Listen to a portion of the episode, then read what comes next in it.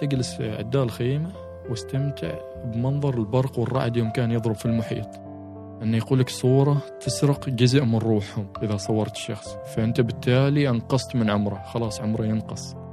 فكانت الوفيات المرأة اللي جالسة خلفي توفت. أصادف أطفال يمشوا بالساعة ونص وساعتين وين؟ والله رايحين المدرسة. المدرسة اللي هي مثل بيت المعلم. يعني تخيل الجدة يوم مررتها كسرت عنقها خلال ثواني. يعني كل هذا في لحظة هدوء حتى الدقاقة كانت هادية. خذينا مونتنا أعطاني مقذاف وهو مقذاف. زين أوكي أنا دافع يعني يعني وسي- وسيلة إعلام بالنسبة له الواتساب مالهم لأنهم ترى منعزلين ما شكا فيجيب لهم العلوم ليه؟ فأنت تشوف نقاط حمراء بس عيون حمراء ليه؟ أن هي تعرف أن في تمساح قريب منك مسافة خمسة ستة متر فقط. أنت تعرضك لواحد من هذه النملات كأنها رصاصة تخترق جسدك. اولا اميغوس كومو ستان لحظة لحظة لا تفكروا ان البودكاست غلط. هو هذا قافية بكل تفاصيله الجميلة. بس حبينا نبدأ معكم بطريقة ضيفنا الخاصة. ضيفنا اللي وقع في حب اللاتينية ومنابع الأمازون. ضيفنا اللي تجرد من المدنية وعاش القروية الأمازونية في نهر الأمازون. سلطان الزيدي رحالة من طراز المنهجيات والفلسفات العميقة اللي ينظر للسفر بمنظور مختلف تماما عما ننظر عليه نحن ربما. تحدثنا في حلقتنا عن بداية آه، آه، رحلاته طبعا ال- الفردية في قرغيزستان ثم آه، في المكسيك ثم في غواتيمالا ووصلنا طبعا إلى أخيرا إلى أفغانستان. وطبعا نتكلم أيضا عن جبال هندوكاش وقبائل الوخان وعن أشياء كثيرة وفلسفية عميقة ربما هو يؤمن بها سلطان. قبل أن نبدأ الحلقة حابين نشكركم على لطفكم بنشر الحلقات. اللي تعجبكم بين أصدقائكم وأهلكم.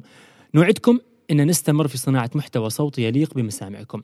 وراح نستأذنكم اليوم بأن نبث إعلانات في حلقات البودكاست تساعدنا في مواصلة الإنتاج اللي يوفي حقكم وذائقتكم من المحتوى الملهم والمميز كعادة ضيوفنا. أما الآن إلى سلطان.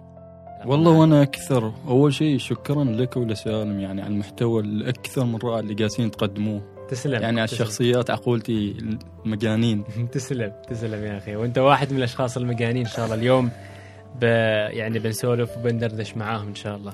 إن شاء الله. آه سلطان السفر بالنسبة لك آه كمعنى؟ ربما يختلف عن المعاني اللي إحنا في بالنا. آه أنت دائما تقول وعندك هذا الوج... ال- أو وجهة النظر إنه السفر سفري أنا في الفترة الماضية من أجل الإنسان. هو بالضبط يا سامي لأن تبى الصراحة مفهوم السفر مفهوم عميق. ف لأن السفر أنا أعتبره يعني من مدارس الحياة. يعني أعظم مدرسة ممكن يدخلها الإنسان. لأن ال- ترميه في معمعة التجارب وتعلم الكثير. فتبى الصراحة الأشياء اللي تعلمتها من السفر يعني يمكن ما يضاهي أي تعليم من كلية وجامعة. يعني ما بالغ في هذا الكلام. فبالفعل انت تجرب كثير تخالط كثير. لأن إذا جينا حال مفهوم السفر يعني إيش اللي حاصل اليوم؟ اليوم آه، العالم جالس يتغير بشكل سريع. والتطورات السريعة اللي جالسة تصير. فتقول السفر هو السبيل الوحيد. لأن إذا سألتك أساسا إحنا الإنسان ليش يسافر؟ يسافر ترويح للنفس تغيير جو. يعني هروب من ضغط العمل والحياة الروتينية. فالتطورات اللي جالسة تصير يعني تحس الإنسان في سباق مع الزمن. وانشغال وزحمة وواجد حاجات. فتحسه يوم يسافر لا يبدأ يمارس أشياء جديدة يمارس حاجات جديدة. بس يا هذا ما معناته أن السفر أن خلاص تغيير جو؟ لا السفر ممكن يتعدى أكثر من ذلك. السفر فيه فوائد ونفس الشيء منافع تعود على الشخص نفسه.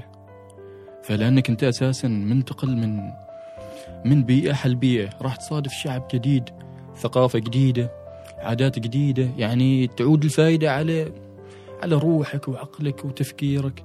ويمكن لا تمارس أشياء يمكن جسمك ما متعود إنها. فتبدأ تمارسها تعود جسمك عليها.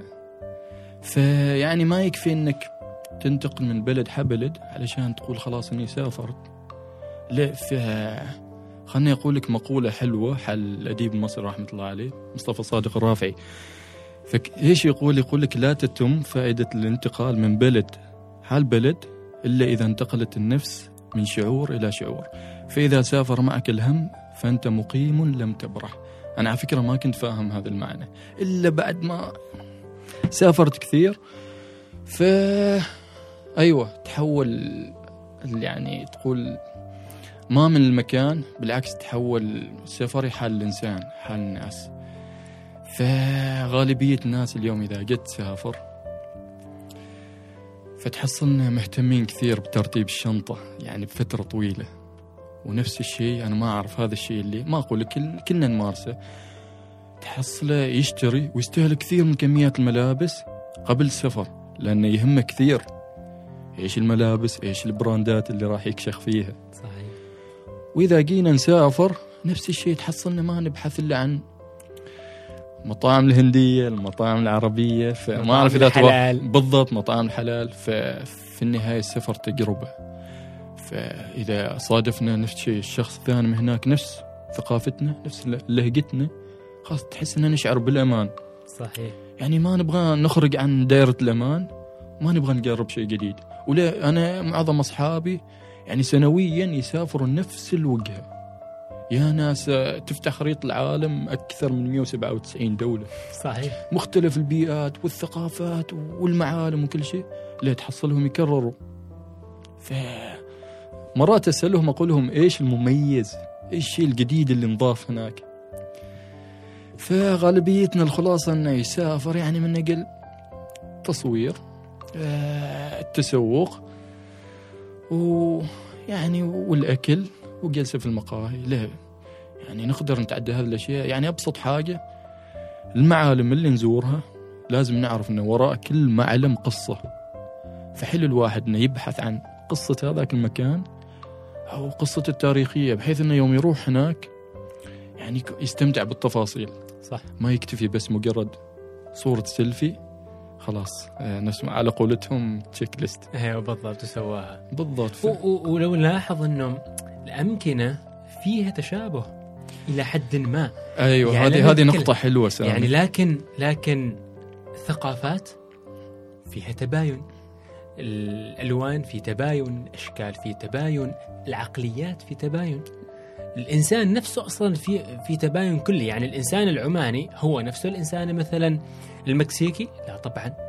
هو نفسه الإنسان سامي؟ مثلا الكوبي؟ لا طبعا. يعني على هذا التناقض والاختلاف اللي صاير بين الشعوب يعني بالعكس هالاختلاف يعطي شيء جميل يضيف حاجة على الحياة. صح. فتخيل إن يعني البعض ما زال يوظف هذا المفهوم في حاجة عنصرية مثل ما أقول. يعني في النهاية لازم نتقبل الآخرين مهما كان اختلاف ثقافاتهم. فتحصلنا نقول هذا الأعجمي وهذا ال... وهذا العربي ال... نفس الشيء إذا بندخل مسألة الدين هذا السني وهذا الشيعي. فلا لازم نكون متسامحين. فواحد من فوائد السفر إنه يجعلك تكون متقبل على كل حد. إيه كل حد. فنفس الشيء أنت قلت نقطة حلوة تختلف الأماكن. لأن أنا, أنا يوم بديت السفر نفس الشيء بديت السفر مع الأصحاب. إلا يوم عاد قررت إني أسافر وحدي. فلما كنا نسافر نسافر لدولة مثلا ألف. فبعد ذلك توجهنا حل دولة ثانية دولة باء. فتبدأ تتشابه عليك الأماكن. مثلا تقول يعني الطبيعة اللي هناك قول الشلال الفلاني. يا أخي يشبه الشلال اللي شفته في. هذيك الدولة. قريب منه. فتبدأ تتشابه الأشياء وت... ويبدأ الواحد نفس ما تقول ما يستمتع. صحيح. بس بينما إذا غير فكرة وقال إن لنا لازم يسوي غاية هدف من السفر ما بس مجرد تغيير جو. في النهاية أنت مقبل على ثقافة جديدة وشعب جديد. خالط خالط لأن الحياة هي شيء بالنسبة أنا من منظوري أن الحياة هي العلاقات اللي تكونها مع الأشخاص اللي في بلدك والأشخاص اللي في البلدان. الثانية بالضبط. ففي النهاية حلو أنك ترجع من هناك. وما زلت متواصل مع الناس اللي التقيت فيهم. أيوه. قرغيزستان كانت ال- الوجهة الأولى إنك آه، تسافر لوحدك وقبلها كنت تسافر آه، مع مع الأصحاب. الأصحاب. بالضبط. آه بس قرغيزستان كانت بالنسبة لك شيء مختلف. هي كانت على قولتهم نقلة نوعية له. هي هي هي الدولة الفاصلة. هي الدول الفاصلة. لأن شوف يوم أول شيء نتكلم عن قرقيزستان قرقيزستان دولة موجودة في آسيا الوسطى. وللعلم أن يعني الشخص العماني المواطن العماني ما يحتاج يقدم على فيزا. هي يوصل المطار على طول شهرين. هي ونفس الشيء قرقيزستان تعتبر الملاذ وجنة المتسلقين هواة الجب... آه، هواة المشي الجبلي. لأن طبيعة قرقيزستان 94% تخيل جبال.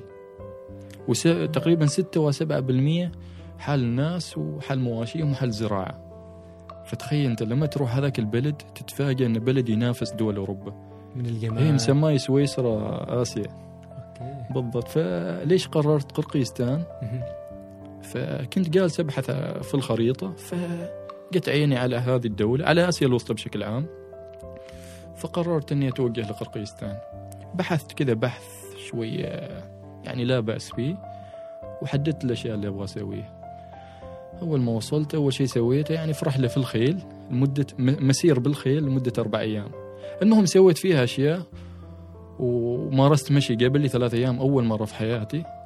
قرقيزستان يمكن أعتبرها هي الدولة اللي بسبتها وقعت في حب الجبال لا في مشي الجبال. حتى أذكر لما رجعت من قرقيزستان يعني حسيت كأني أسافر أول مرة.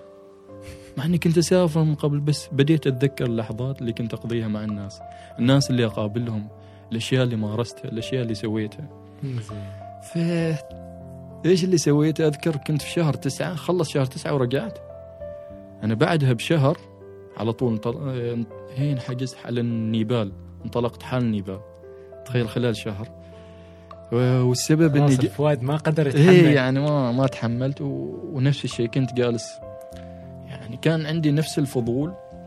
إيش يخلي الناس إنها تصعد وتمشي هذه الجبال؟ مم. نفس الشيء قلت خلني أشوف إيفرست. يعني ليش الناس تروح إيفرست؟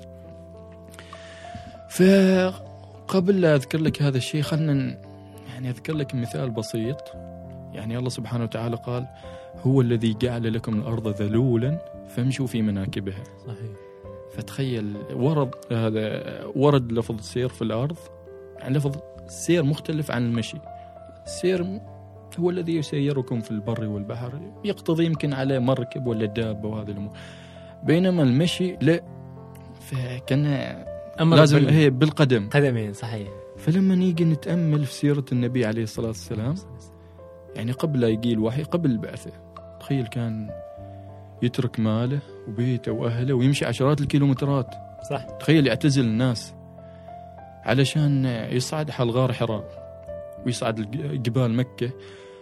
فقبل لا يكتشف غار حراء يعني كيف اكتشف غار حراء الرسول؟ لولا تردد على هذه الجبال. الاماكن. هي أنت الخلوة. بالضبط. وللعلم اليوم أنت أساسا تروح مكة وتصعد غار حراء يعني مع الدرج اللي مسواه. تلهى هي تلهف في يعني حاجة تخليك تتأمل وسبحان الله يوم توقف أمام جبل ولا بركان. فدائما أقول الطبيعة يعني ترجعك حال اصل أصلك. يعني كيف إحنا الإنسان كائنات صغيرة كائنات. ونفس الشيء تكسر الكبرياء اللي فينا. يعني نفس الشيء الله سبحانه وتعالى قال. ولا تمشي في الأرض مرحا إنك لن تخرق الأرض ولن تبلغ الجبال طولا. يعني مهما بلغت مهما فعلت مهما سويت يعني تبقى هذاك الكائن. ذاك الكائن البسيط فسبحان الله تخليك متواضع. أنا دائما أقول الجبال هي علاج. علاج حال الروح علاج حال النفس. فمهما وصلت حسيت نفسك هذا على طول اعتزل روح الطبيعة. الجبال. هي صحيح. تكسر كبريائك. كلامك صحيح. فنعود حال النيبال النيبال كنت جالس أتابع برنامج وثائقي عن مسار إيفرست. يعني طاحت عيني على برنامج يحكي قصة قبائل الشربة منهم قبائل الشربة قبائل الشربة هم أول شيء يعود أصلها من سكان تبت في الصين والأمور اضطهادات دينية وهذه الأمور. اضطروا أنهم يهاجروا إلى نيبال إلى قرى حوالين جبال الهيمالايا حوالين إيفرست. ف يعني أول إحنا نسمع عن إيفرست إنه خلاص متسلقين يروحوا ويصعدوا بس في حاجة جالسة تصير خلف ال... كواليس. خلف الكواليس ما حد يعرفها. إيه، لأن تخيل مسار إيفرست سنويا اللي تس- اللي يسلك المتسلقين يختفي بسبب الانهيارات الثلجية ليه؟ إيه. من يقوم بتخطيط هذا المسار سنويا؟ هم قبائل الشربه آه. فتخيل ترى هو موسم تسلق إيفرست في شهر خمسة. يكون مستوى الرياح هادئ لمدة أسبوعين. يعطوهم الضوء الأخضر بيتحركوا إيه وينطلقوا. إذا نرجع حال قبائل الشربة قبائل الشربة تقريبا شهر ثلاثة أو أربعة آه يعني يخوض في تجربة تعتبر من أخطر وظائف العالم. يعني تخيل يودعوا أهاليهم وكأنه آخر وداع. خلاص. آخر ما لقاء ما حد إيه. آخر لقاء ما يعرفوا هل بيرجعوا ولا لا؟ حتى من ضمن البرنامج كان يوضح إن العائلة كيف تصيح ويحضنوا بعض. هل بنشوفك مرة ثانية ولا لا؟ لأن في النهاية لما كثيرين يموتوا في تخطيط هذا. المسار بسبه الانهيارات والأشياء اللي تصير. فشدني الفضول والله. يعني تخيل يقع على عاتقهم إن تأمين مسلك آمن درب آمن. المتسلقين حال ايفرست إيفرست، أخي شدني الفضول. كان شهر نهاية تسعة لما رجعت من قرقيزستان والله وحجزت على النيبال. قلت هذا بسوي رحله أنا بمشي في مسار إيفرست. كان شهر تقريبا بداية 11 وما عندي أي خبرة. يمكن الخبرة هذه قرقيزستان عرفتني كثير. فرجعت وقريت كثير عن الجبال. ما عندي أي خبرة في عمان. فقلت الاحتياطات اللازمه أن سبحان الله أن الإنسان إذا انتقل لمنطقة مر- مرتفعة يقل مستوى الأكسجين. ويقل التنفس وتصير واجد أعراض واجد أشياء من غير صداع وحاجات كثيرة. فالإنسان لو ما اتخذ الاجراءات س- يعني ممكن تؤدي للوفاة. زين أنا شوية تهورت فقررت إني أروح في رحلة مسير 13 يوم من دون أي شركة لأن من عادتي ما أحب حد يقودني يقودني ويمسك يدي يدليني الدرب. يمكن فيها حاجة من المخاطرة ونفس الوقت ابى أشوف هذه القبائل لأن ما موسم تسلق فموجودين في القرى. حلو. فكنت جالس أتنقل ما بين قرية لقريه فسبحان الله يعني قبائل الشربة عندها قدرة تحمل أوزان فوق طاقتها. لأن المسار إيفرست ما ما تقدر تسلكه بسيارة بدراجة ولا لا لا السبيل الوحيد بالمشي. بالمشي ويستخدموا نفس الشيء حيوان لياك. حيوان لياك يعيش على ارتفاعات 4000 يشلوا فيه يعني أغراضهم وأشياء. لازمة حل الحياة. والحمد لله وصلت لل المخيم. المخيم من دون أي أعراض. بسبة أتوقع البحث اللي المسبق سويته. يعني. سويته. يعني فادك يعني. إنك- ما مجرد انك لأن سبحان الله المشي القبلي النسبة الكبيرة هو الأثر.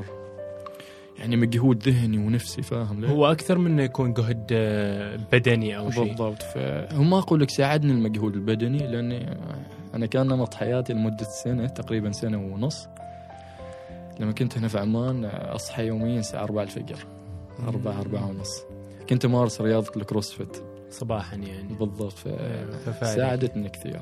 أيوه. لا لا طبعا يرتبط الجانب ال- البدني بشكل كبير جدا بس آه، الجانب النفسي له واجد إيه، دور كثير. كبير يعني. كيف هذه القبائل قدرت تعيش على هذه الارتفاعات؟ صحيح. يعني إحنا ك كعمانيين نعيش على مستويات سطح البحر. صحيح. ويعني حتى يعني تتذكر يمكن تكلمنا إنه الإنسان لازم يفهم يعني جسمه متى بالضبط يحتاج إلى الماء هل هو أصلا أول ما يخلص الماء فعلا لا لا لا لا في الارتفاعات أنت لما تنتقل إلى نقطة 3000 متر تو- توصل على هذا الارتفاع يزيد مستوى الجفاف. صحيح ف... فلازم تشرب ضعف كمية اللي كنت اللي كنت تشربها في حياتك صحيح. اليومية. أيوه بالضبط. لأن إيش اللي يصير؟ يقل الأكسجين فأنت كل ما تنتقل لمنطقة مرتفعة يبدي يبدأ الجسم يتأقلم. تأقلم يعني كل يومين سوي نفس ما تقول يوم حال تأقلم الجسم يبدأ ينتج كريات دم حمراء. زيادة. هي ويضخها في أنسجة الجسم صحيح.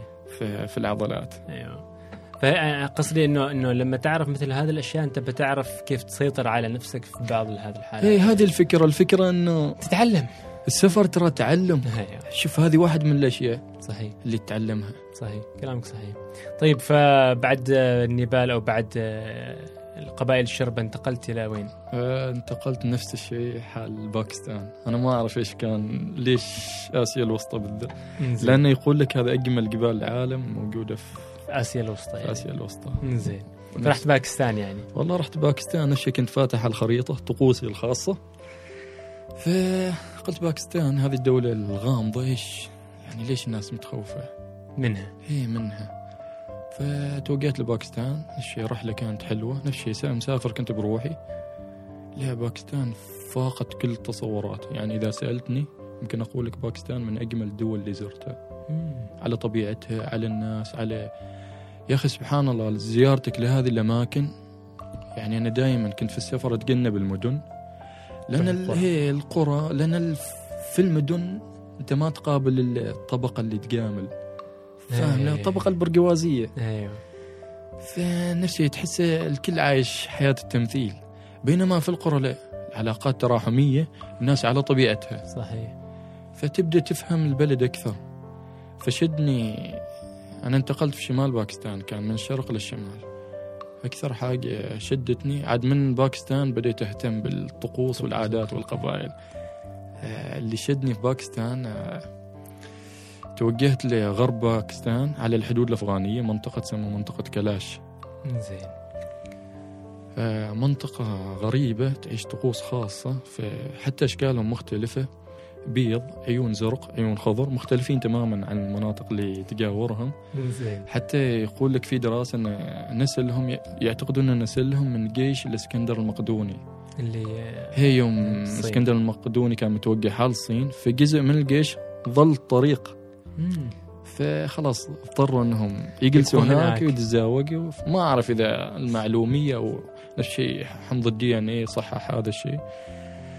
فمعتقده ف نفس الشيء يعني تو جالسين يدخلوا في الإسلام. لانها كانت قبائل وثنية ترى. يعني قريب تو جالسة تتوافد. على. فعندهم الشيء طقس سنوي يستقبلوا فيه الربيع. باحتفال يعني وأهازيج لأن الموسيقى والطرب والرقص جزء من معتقداتهم. من خلالها إيش؟ يقدسوا الطبيعة ويطردوا الأرواح الشريرة فتبتهج الآلهة وتزداد خصوبة. إيه فحتى كنت أمشي مع واحد من سكان القرية قال لي خلبا بوديك على مكان يعتبر من أجمل الأشياء اللي إحنا نمارسها. طلعنا كذا فوق اكتشفت إن المكان مقبرة عبارة عن توابيت خشب يعني بعض التوابيت مفتوحة. زين. فاستغربت أنا قلت ليش ال... قال لي إحنا الشخص لما يموت معنا آه، نعتبره حفلة. كيف يعني؟ كيف حفلة؟ قال لي إحنا عندنا معتقد إن الإنسان يعني إذا مات خلاص يتحرر من سجن الجسد. فتحصلهم يبدوا يغنوا و... و... ورقصات وما أعرف إيش. يعني فرحا توديع هذا الميت لروحه خلاص الجسد. تحررت هي الروح. تحررت. زين. ف...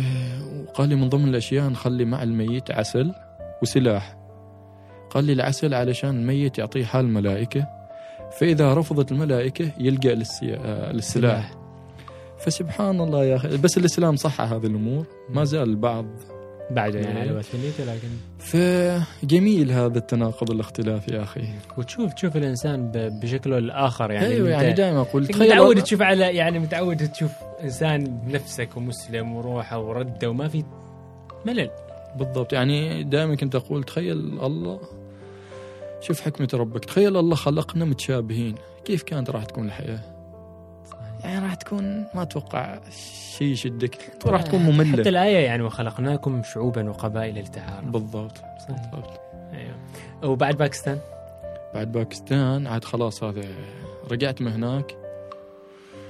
أذكر كان فترة رمضان. فحسيت إن السفر لمدة أسبوعين ثلاث أسابيع ما كافي. لأن سبحان الله تبدأ تتذكر لحظات الناس نمط السفر يعني نمط حياة مختلف. فحبيت هذا الشيء.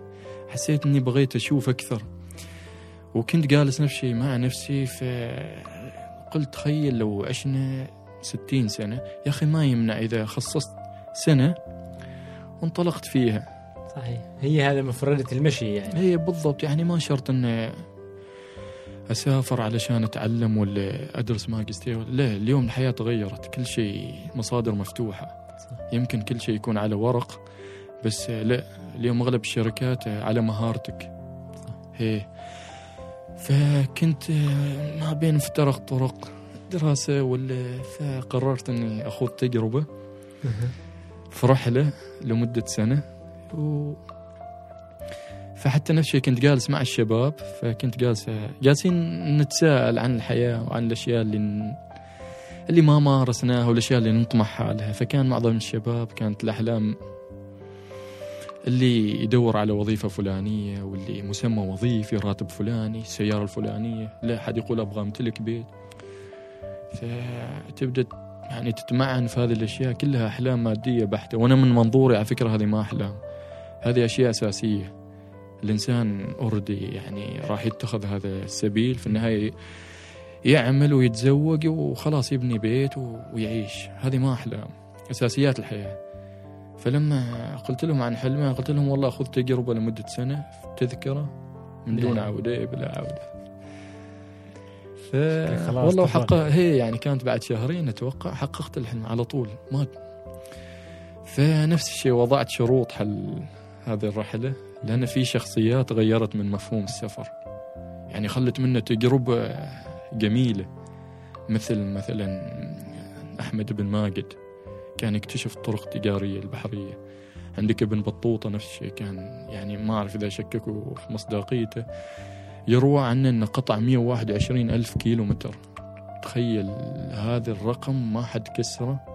يعني ما كسر أي رحالة منفرد إلا يوم ظهر عصر نقل بخاري ونفس الشيء فاسكو دي جاما المعروف بماجلان يعني قاد أول رحلة دارت حول الكرة الأرضية. ماركو بولو هذه فيوم كنت جالس أتفكر فيهم فقلت okay أنا مقبل على رحلته هذه في هذاك الزمان إيش خلاهم يعني إيش دفعهم للسفر؟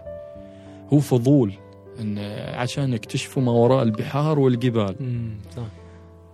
فقلت okay بما إني خلاص متو... طبعا إحنا في زمن بضغطة زر.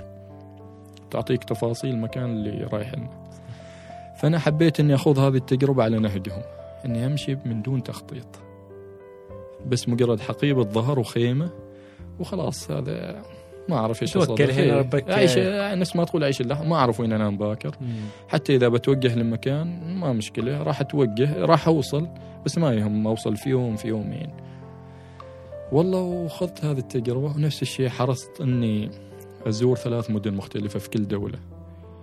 قرى ريفيه إيه لا تكون مختلفة جغرافيا من أهل الس... يعني ساحلية أو جبلية أو ريفية لأن أهل الساحل يختلفوا عن أهل الجبل والجبل نفس الشيء يختلفوا عن أهل الريف.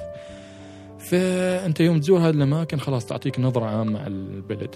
ف يعني ما يكفي اليوم إنك تنتقل من بلد حبلد بس من يومين أو ثلاث أيام. فتحكم على هذاك البلد تقول أنا زرت لا لا البلد فيه ثقافات فيه أشياء فيه معالم فيه واجد أشياء. يعني علشان أوضح لك بشكل أكثر اليوم شخص زار عمان كانت عنده مهمة عمل لمدة يومين. وصل مسقط وكانت مهمة العمل مثلا في الشرقية في صور مثلا. وتوجه من مسقط إلى صور فهو ما شاف الأماكن إلا على ساحل. على بين هذه المنطقتين. المنطقتين يعني لقطع وهي متوجه لمهمة عمل. ورجع من صور وجلس يوم يعني ما إنه شاف كثير من مسقط ف خلنا نقول مثلا صادف موقف موقف جميل. أو موقف ما عجبه ورجع بلاده. فتخيل يعني هو راح يس... هي راح يسولف مع أصحابه مع الناس. خلاص قال نعمان. كذا كذا. كذا كذا. حكم عليها يمكن تثبت هاك الموقف الجميل أو الموقف اللي ما عجبه. فتخيل أنت تحكم على بلد على شعب بس مجرد يومين يمكن موقف عجبك ولا ما عجبك. صح فصعب صعب يعني إنك تحكم. هذه مشكلتنا إن اليوم الناس تحكم على بعضها البعض يعني عن طريق الأشياء اللي نسمعها أو من الإعلام أو هذه الحاجات. تكون غير صحيحة هذه غير صحيحة. طيب قبل أن نبدأ آه، في في رحلة ال هذه التذكرة بلا عودة. آه، إحنا طبعا مثل ما ذكرنا في بداية الحلقة إنه معانا طبعا إعلان. و نقول كيف تتقدم الدول وتنجز؟ ما في شك أن الدراسات العلمية والتجارب تساهم بشكل كبير في التقدم اللي نطمح له دائما. وأصدقائنا في الهيئة العامة للتأمينات الاجتماعية أنشأوا جائزة آه، سموها بجائزة الهيئة للبحوث العلمية لأفضل المشروعات البحثية في المجالات المرتبطة بجانب التأمينات الاجتماعية. طبعا الجائزة متاحة للمواطنين والمقيمين في السلطنة وأكيد بلا شك هم أنهم هم راح يسهلوا لكم كل شيء تحتاجوه لموضوع المشاركة في هذه الجائزة ويخدموكم بقدر الاستطاعة. طبعا رابط التسجيل راح يكون آه، في وصف الحلقة آه، بإذن الله تعالى. وكذلك موقع آه، الهيئة العامة للتأمينات الاجتماعية. الحين نرجع مع ضيفنا آه، سلطان. سلطان رحلة التذكرة بلا عودة وين كانت البداية؟ آه، المسار اللي رسمته أمريكا اللاتينية. بداية يعني بداية من كوبا انطلاقا من المكسيك لين تحت. حبيت أقسمها على قسمين. يعني أنا بس مجرد رسمت مسار مبدئي والمسار الثاني إني أتوجه إلى أفريقيا اللي هي ليبيا ومن ليبيا إلى الجزائر والنيجر بشكل عام الصحراء الكبرى. باغي؟ هي قبائل الطوارئ باغي أقضي وقت طويل معه. جميل. فبدأت في كوبا. بدأت في كوبا. كيف كوبا؟ كوبا حلوة كوبا جميلة. ف كوبا تعتبر جزيرة ترى في البحر الكاريبي أكبر جزر البحر الكاريبي. إيه. فاللي ما يعرف كوبا كوبا كانت تحت المقاطعة الأمريكية وما زالت فرض عليها حصار. ف كانت تحت حكم فيديل كاسترو فكانت الأنظمة الشيوعية مطبقة. فاليوم أمريكا تصالحت معها يعني كانت سبحان الله كوبا تعتبر على قولتهم شوكة في حلق بلد العم سام أمريكا هي. جالسة هي فاهم الأمور أساسية أس- وبين سياسية. الحرب الباردة وهذا. أنا نصيحتي لكل شخص إذا عنده القدرة اني أروح هنا. أنه يخلي كوبا من يعني من اللسته لأن كوبا خلاص جالسة تنتقل لمراحل مختلفة. جالسة تدخل لعصر العولمة. لأن كوبا اللي ما يعرف كوبا من 1959 يعني يمكن حتى إلى اليوم. وكأن الزمن تجمد فيها. توقف كل شيء. من بعد ما فرض عليها الحصار. أنا أول ما دخلت يعني طلعت من المطار فكان عندي تصور عن كوبا. كوبا. فتفاجأت سيارات الكلاسيكية من ترجع 40 سنة ورا. ملونة وردية ولا أزرق ولا شيء. هذيلاك اللي كنا نشوفهم في الأفلام. هي بالضبط. في المباني الأثاث مباني متهالكة. حتى سبحان الله أشكال الناس. تحس أن أشكال الناس بعد على الطابع القديم. فكانت تجربة حلوة. يعني واحد من الطرايف كنت في قرية وكنت متواجد فوق سطح المنزل استمتع بالغروب. وشفت أغلب البيوت فيها ال aerial satellite قبل لا يجينا الدش هذا أيوة. تخيل كنا نستخدم الأريل قبل هذا اللي نطلع أيوة. برا. ها كيف صافي ولا ما صافي؟ أيوه أيوه أيوه. ف... إلى الآن يستخدم إلى الآن إيه. فحتى نفس الشيء النت ما ممكن إنك تحصل النت موجود في اماكن محدده فقط. هي بعدها. ف بلد الإنسان. الكوبي. والله الإنسان الكوبي سبحان الله على الأنظمة الشيوعية اللي طبقت عليه. بالعكس الشعب بعد ما زال مبتسم. هذا اللي أنا مستغرب منه. شعب طول الوقت مبتسم. وعايش اليوم يعني بكل اريحيه وكل على ما شي هي صاير. على الرغم من الفقر اللي يعانوه وكنا ماشي صاير أيوه تحس الموسيقى يعني بعد الم... بعد بعد المساء تحصل ازقه وكل شيء كله ميوزك- أصوات موسيقى. الموسيقى والربشة وال فسبحان الله جلست فيها فترة كوبا ولا؟ جلست فيها أسبوعين لأن الدولة الوحيدة اللي قررت يعني رسمت مسار إني لازم أطلع منها بعد أسبوعين لأن ما فيها نت وصعب إنك تحصل. نت. هي لأن لو ما في نت صعب إني أغير في الخطة لازم لأنها جزيرة ولازم أنتقل بطائره إلى المكسيك. هي ما تقدر تنتقل. ودخولها يحتاج إلى تأشيرة من أه تحصلها هي تأشيرتها سهلة بما أنك إذا مسافر لأمريكا تقدر تحصلها في البوابة في الجيت. قبل صعودك الطائرة تحصل الأشخاص يبيعوها عن طريق كرت.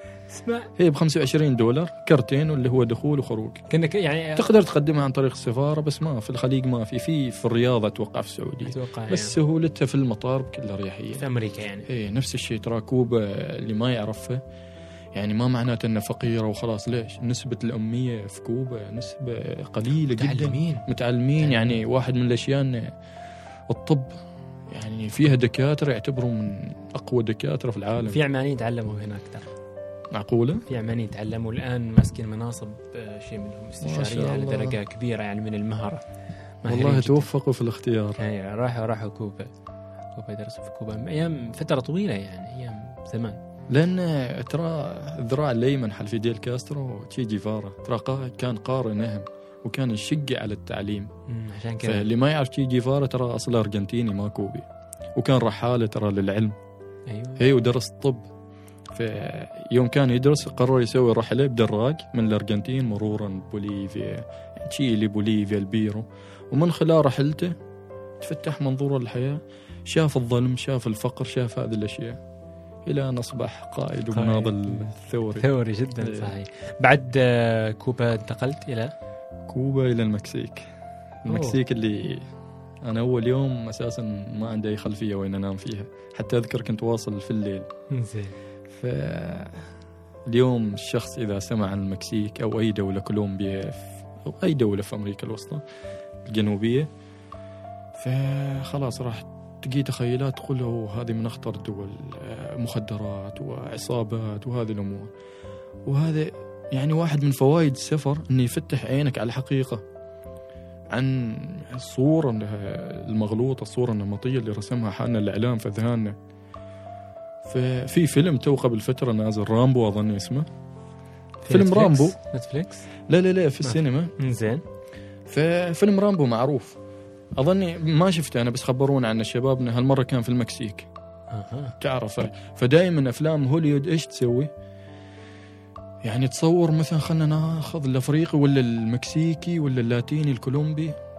إن صور إن رجل عصابات المتوحش الهمجي وتصور مم. والأمريكي بصورة الش- الشخص الإنسان المنقذ اللي يروح على هذيك البلدان ويعالج المشكلة ويساهم في تطوير البلد صحيح هذا كلام. ما شمنا هذا كله يعني كله كلام إعلام يعني ما كل تدفع ما بالعكس ما أقول لك يعني. الافلام الأفلام الوثائقية فيها فائده بس نتجنب الأساليب اللي يتبعوها ب- ترى هم يعني يرسلوا رسائل نمطية يريدوا ينمطوا فيها عقلية يعني المتابع. لهم أجندة خاصة بالضبط يعني اللي يتابع مثلا ناركوس كولومبيا آه أيوة. اللي يتابع يعني هذه ناركوس السلسله كولومبيا خلاص راح تنطبع الصورة إنه إنه الأمريكان كولومبيا. هم اللي آه، يعني ساعدوا كولومبيا في التخلص من إيه لما اسكوبار. صورت الشرطي هذا الشرطي. الشرطي اللامع ال- بالضبط بالضبط المحقق إنه لا لا حتى لو تسمع في مقابلات مثلا ابنه بابلو إسكوبار مم. أو شخصيات دخلت في هذا المجال مثلا في كولومبيا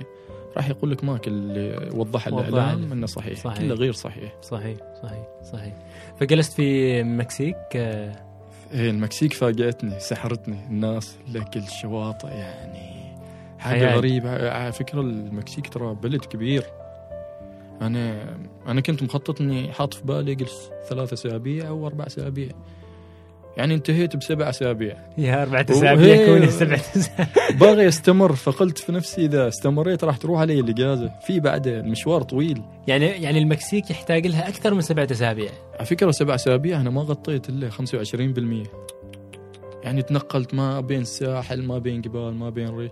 وفي أشياء حلوة. يعني من أجمل الأشياء أذكر إني كنت مخيم على الطرف الآخر المحيط الهادي زين لمده تسعة أيام.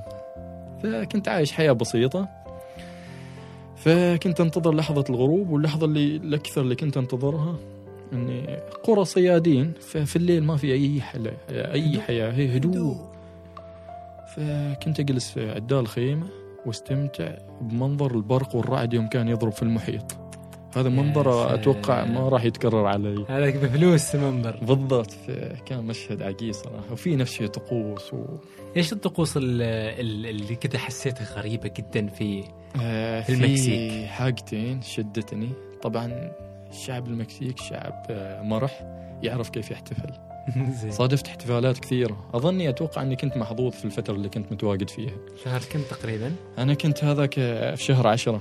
زين. إيه شهر 10 وشهر 11 آه، الطقس الطقس الأول هو طقس عيد الموتى. تحتفل فيه المكسيك كامل. فيعني يحيوا ذكرى موتاهم اللي فارقوا الحياة. فالمكسيكيين يعتقدوا أن أرواح أحبتهم اللي فارقت الحياة في هذيك التواريخ هي تقريبا بداية 11 يعني آخر يوم من نهاية 10 بداية بداية ثلاث أيام تكون إجازة حق الجميع. يعتقدوا أن أرواح أحبتهم تهبط من السماء إلى الأرض. في هذيك الأيام. في هذيك التواريخ بالضبط. فتحصلهم جالسين يستعدوا كأنهم يستقبلوا ضيوف جايين عليهم. تحصلهم ينظفوا ويزينوا القبور والمسارح. فلما يبدو الاحتفالات تخيل يبدو من أول صباح لين منتصف الليل. هازيق أغاني ما تتوقف رقصات فلك فلكلورية في نفس الشيء الأغاني شعبيه في حاجة غريبة ونفس الشيء يحرصوا على إنهم يحتفلوا مع أطفالهم. عشان ينقلوا. إيه لما كنت أشوف أنا أخرج الساعة 10 مثلا في الليل فتحصلهم يمشوا مع أطفالهم في الشوارع. آه، يعني تخيل حرص علشان يضمنوا بقاء هذه الثقافة. ضم اي بقاء هذا التقليد. الاجيال القادمة راح بعدها تتداوله. فمنتصف الليل يتوجهوا إلى المقابر. يكونوا محضرين الأكلات المفضلة حل الشخص الميت زين والشراب المفضل ويخلوها عدال القبور. فكل عائلة تجلس أمام القبر تحصلهم يتسامروا ويغنوا اللي يغني اللي يعزف اللي يرقص. لما تقعد تقريبا بعد ساعتين من جلوسهم تحصلهم يأكلوا الأكل. ليش ما أكلوا في البداية؟ لأنهم يعتقدون الاموات إن الأكل خلاص طعام فقد قيمته. الروحية الغذائية. وما تبقى هو مجرد أكل لا يسمن ولا يغني من جوع. فيبدوا يتناولونه. فطقوس غريبة يا أخي بس ومستمرين معهم؟ إيه سنويا سنويا. يعني واحد من الأشياء اللي هو هذا؟ عيد عيد الموتى. عيد الموتى. عيد الموتى. فيعني واحد من الأشياء اللي تبى الصراحة يستاهل الشخص انه يتعنى لها. في شيء في الإنترنت موجود عنهم؟ ممكن في في في في, في كثير في في اليوتيوب. تحصل ناس يعني تروح هناك. في أفلام وثائقية. عن عيد إيه عن عيد الموتى. إيه أشياء كثيرة في النت. ما إذا إن شاء الله إذا لأن في بقطع كلامك سامي ما يحتفلوا فيه فقط في المكسيك نفس الشيء ترى نفس ما قلت لك في باكستان كيف يودعوا موتى. أيوه أيوه. نفس الشيء ترى في قبائل في. في إندونيسيا يسموها قبائل توراجة. تخيل إن الشخص إذا مات ما يدفنوه يعتبر ما ميت. يوضع عليه مادة نفس التحنيط ويخلوه معهم في البيت. متى يعتبروه ميت؟ عاد لما يقرروا يدفنوه. ليه؟ وتصير طقوس. ونفس الشيء عندهم بعد كل سنة ما أعرف كم سنة ثلاث سنوات ينبشوا القبور زين. ويستخرجوا الجثث سواء كانت جثة حديثة ولا هيكل عظمي يبدوا ينظفوها ويبدوا يرقصوا معهم. هذا في إندونيسيا. في إندونيسيا تخيل. قلت لك اعتقادات عجيبة يا أخي. طيب وبعدين في المكسيك قلت لي أنت الطقس الثاني إيش هو؟ هذه كنت متواجد في جنوب المكسيك محافظة محافظة تشياباس كانت آخر وجهة حالي. فكنت متواجد في قرية تسمى قرية شامولة. يعني قرية غريبة حتى سكانها تحس أن لهم حكم ذاتي شرطة خاصة فيهم لغة خاصة فيهم. يلبسوا القبعات ويضع الفرو لا على أجسامهم. وحتى معتقداتهم خليط من من الماية ومن الكاثوليكية اللي قلبها حالهم المستعمر الإسباني لأنهم هذا السكان ينحدروا من سلالة الماية. فحالهم كنيسة خاصة تمارس فيها طقوس يعني يمكن أغرب حاجة شفتها من خلال سفري حتى قبل لا أتوجه للكنيسة وأدخل الحرس اللي عليهم من سكان محليين. فقالوا لي ترى ممنوع منعا باتا إنك تصور أو تستخدم التلفون. كيف؟ قال ترى راح بس مجرد إنك صورت أو راح يمكن يعرضك إنك تفقد التلفون ولا الكاميرا. لأنه طلع عندهم معتقد سكان لاتينيين هذا السكان أنه يقول لك صورة تسرق جزء من روحهم إذا صورت الشخص فأنت بالتالي أنقصت من عمره خلاص عمره ينقص. شوف كيف. إيه يعني سبحان الله حتى هذه المستعمر استغلها استغل هذه النقطة في بناء كنيسة بوليفيا. في بوليفيا لما كان المستعمر الأسباني كنيسة سان فرانسيسكو كنت سمعت هذه القصة من أحد الأصدقاء كان يرويها. فيقول لك هذا خلى الشعب يبني هذه الكنيسة حجر حجر السكان الأصليين في بوليفيا. فلما انتهت الكنيسة إيش سوى الأسبان؟ جاء يعني هذيك الفترة طبعا يوم أقول لك الصورة اللي هي الرسمة ولا الانعكاس ولا الحاجة في فالاسبان استغل هذه النقطة لما انتهى من بناء الكنيسة الناس راحت تنام دخل الاسبان على طول في الليل ولغم الكنيسة بمرايات آه. بحيث إن الصباح لما جل يدخلوا. إيه د- لما يدخلوا السكان الأصليين تفاجئوا كنا انسرقت خلاص روحهم روحهم وإنهم بيموتوا خلاص لا لا واضطروا إنهم خلاص خلاص يزوروا الكنيسة أها. كل يوم. أو شوف كيف لما المستعمر استغل هذه النقطة في إدخال الدين إيه، حملات تنصيرية وهذه الأشياء. فهمتك، أيوة، أيوة. فإذا نرجع على هذا الطقس في المكسيك لما دخلت الكنيسة تفاجأت إنه ما فيها ولا كرسي.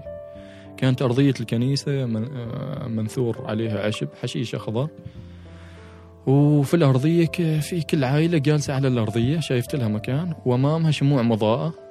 واشياء مشروبات كحولية وغازية. فاستغربت أنا من إيش اللي جالس يصير. فجت عائلة جديدة ودخلت الكنيسة. فكانت العائلة مكونة من جدة والأم وبنت وطفل صغير. فقلت أحسن إني أراقب الوضع لأني كنت زايرنها وحدي. فما حد يشرح. هي ما حصلت حد يشرح لي. نفس الشيء ما كنت متمكن من الأسبانية. فجلست العائلة جات الجدة بدت تصف شموع وولعتها زين وجابت دقاقة ومررتها فوق الشموع يعني كانت جالسة تردد أشياء غريبة.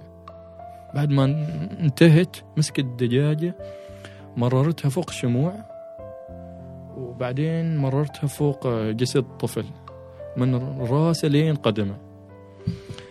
فمنذهل أنا شيء غريب يا أخي. لما سألت بعدين عاد قالوا لي إن هذا السكان ترى يؤمنوا مثل الناس سبحان الله. يؤمنوا بالعين والحسد والأرواح الشريرة. والامراض هذه اللي تصيب الشخص.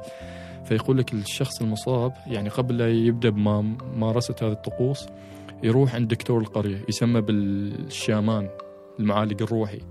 فهو يبدأ يشخص المريض ويوصف لهم شموع مختلفة الأحجام طويلة متوسطة صغيرة. خلطة يعني وصفة علاج. ويتطلب من ضمن الطقوس إن الدجاجه الدجاجه علشان يعتقدوا إنهم تمتص الأرواح الشريره أو تعالج الشخص جسد المصاب. وف يعني تخيل الجده يوم مررتها كسرت عنقها خلال ثواني.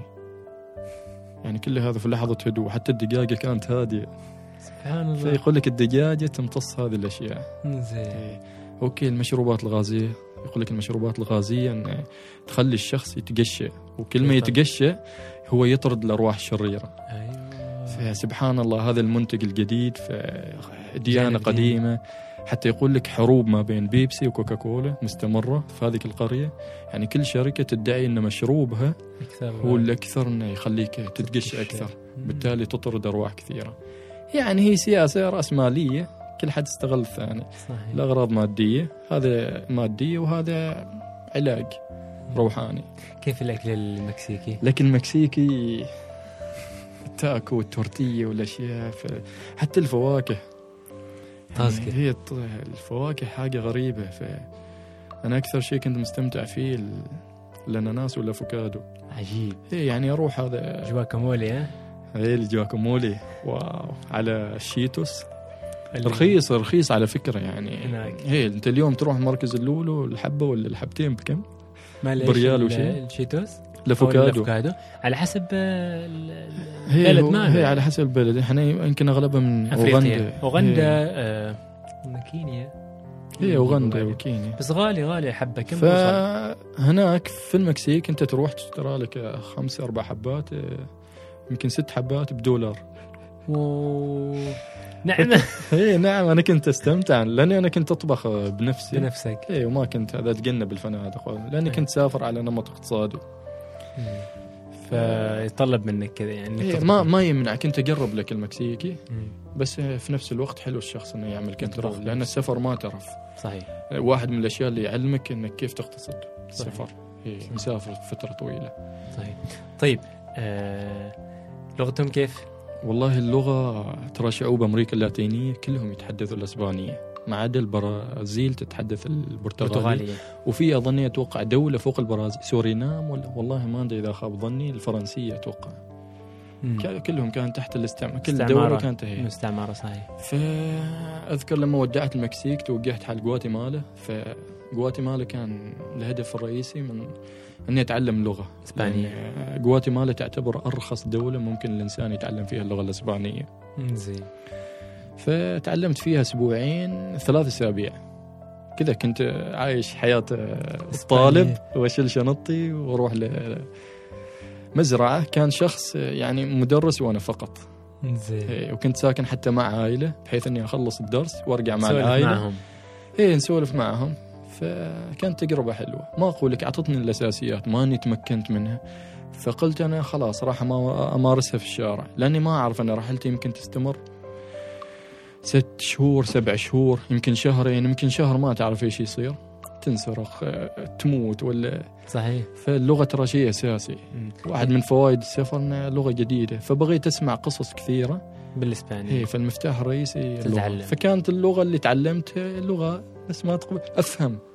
إيش بس؟ لما أتحدث يعني مثل ما أقول لك أنا يريد يروح النوم أنا في يجي فاهم؟ ليه؟ إيه بس بالإسباني. إيه بس المصطلحات العادية تطلب حاجة تروح تنتقل منطقه لا لا. تمكنت منها. حلو. ومارستها بعدين. يحتاج لنا هي إسباني. غواتيمالا على فكرة دولة حلوة. إذا. بغيت تشوف الحضارة على أصولها حضارة المايا. في غواتيمالا. غواتيمالا بوليفيا. بوليفيا أنا ما زرتها. توقفت رحلتي في البيرو. بس غواتيمالا يعني كأن الزمن يرجع بك لحضارة المايا. ملابسهم كل شيء. واو. إيه بلد عجيب بلد وأنا البراكين يبغى لنا نتعلم إسباني لكن. لا الإسبانية حلوة حلوة. أيوه. خلاص بنتجهز قريبا نتعلم. والله ضروري بالعكس أنا ما أقول لك هذا اليوم. شوف بقول لك نقطة سامي. فاليوم الإنسان قلت لك على التطورات السريعة اللي صايرة والإنسان تحسه في انشغال وزحمة وحياه روتينية. صح. أنا ما ضد الروتين بالعكس الروتين شيء حلو. بس الروتين لو كان بشكل إيجابي أشياء تمارسها في يومك. يعني ما مجرد إنك تخلص العمل خلاص ترجع تنام بعدين تروح تجلس القهوه في القهوة مع الأصحاب ويضيع الوقت.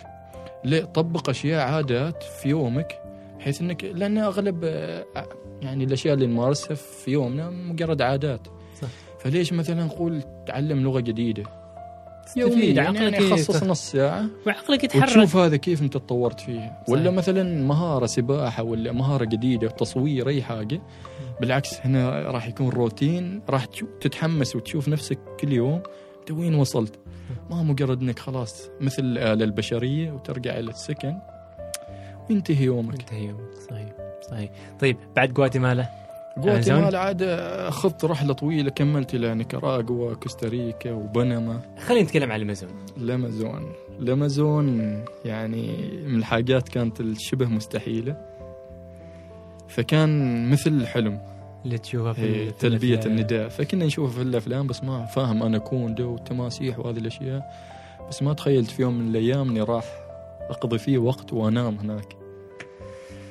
ف الأمازون حبيت أزوره بطابع ثاني نفس الشيء. ما حبيت أزوره عن طريق شركه زين.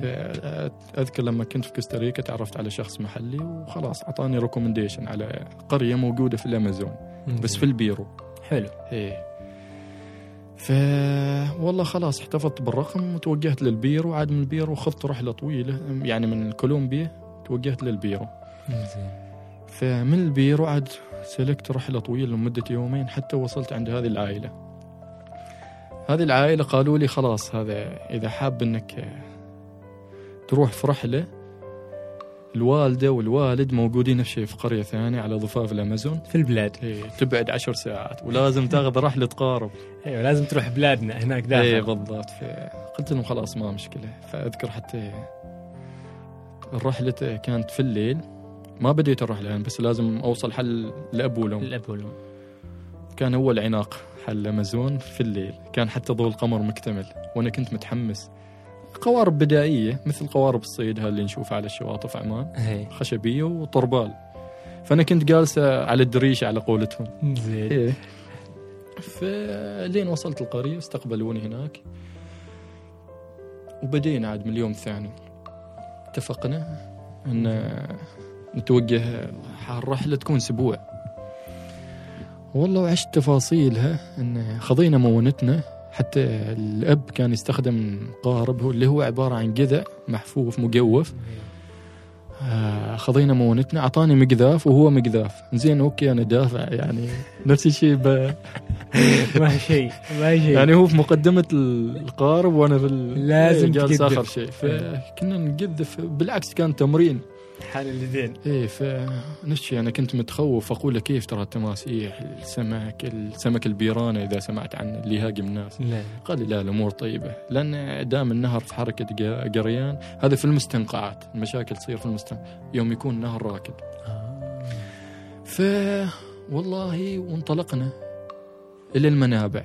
فمعلومة ترى نهر الامازون يمر على تسع دول ومن هين يصب من جبال الإنديز من الثلوج اللي على قمم الجبال اللي تذوب وتصب في منابع وهذه المنابع كلها تصب عاد في حوض الأمازون. إيه، أنا لما وصلت على هذه العائلة طبعا في حوض الأمازون بس لما بديت رحلتي في المنابع.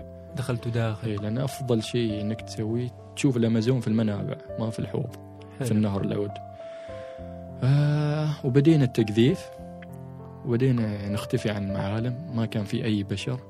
قضية قراب قرابة الأسبوع. فكنا الأشياء اللي ناكلها حتى ماخذين معنا شبكة. كنا نصيد سمك. سمك البيران. سمك البيران وفي أنواع مختلفة من السمك. فحتى كنا نخلي الشبكة وقت الغروب ونرجع لها اليوم الثاني الفجر. حتى أماكن النوم اللي كنا ننام فيها مثل سبلة. زين. يعني سبلة ما مغطايه ما أقول لك بيت. لا لا سبلة قاعدة خشبية مرتفعة على ضفاف النهر. زين. وكنا نخلي بس الشبكة اللي ضد العنكبوت. فنفس الشيء نقطة حلو إن الشخص إذا زار مثل في أماكن في العالم تزورها لازم الشخص ياخذ تطعيمات. حلو. إيه، مثل الحمى الصفراء وعندك تطعيمات على ضد الملاريا. أنا كنت أذكر حتى شال معي حبوب وما استخد طول هذيك الفترة عاد ما استخدمتها إلا في الأمازون. أذكر إني استخدمتها أول يوم. فحلو إن الواحد يحصن نفسه. ما ما يروح تعرف. ب- إيه. يروح بكذا أنا المشكلة. استخدمتها أول يوم وودرتها سببت لي نوع من الغثيان. آه. بس ضروري إن الشخص وما ما استخدمته قلت يلا اللي يصير يصير. زين. فحتى كانت الأصوات اللي نسمعها في الصباح والظهر مختلفة تماما عن المساء. يعني في الظهرية okay الأصوات الطيور هالأمور تتقبلها. بس في المساء أول ما تغيب الشمس خلاص نطبخ أكلنا. كان الفطور والعشاء كله سمك. يا سلام. حتى من الأشياء الحلوة أن استويت بحريين لا لا. قبل النوم تحتاج تأخذ نفس ما تقول سبحة refresh زين. فإيش كنا نسوي؟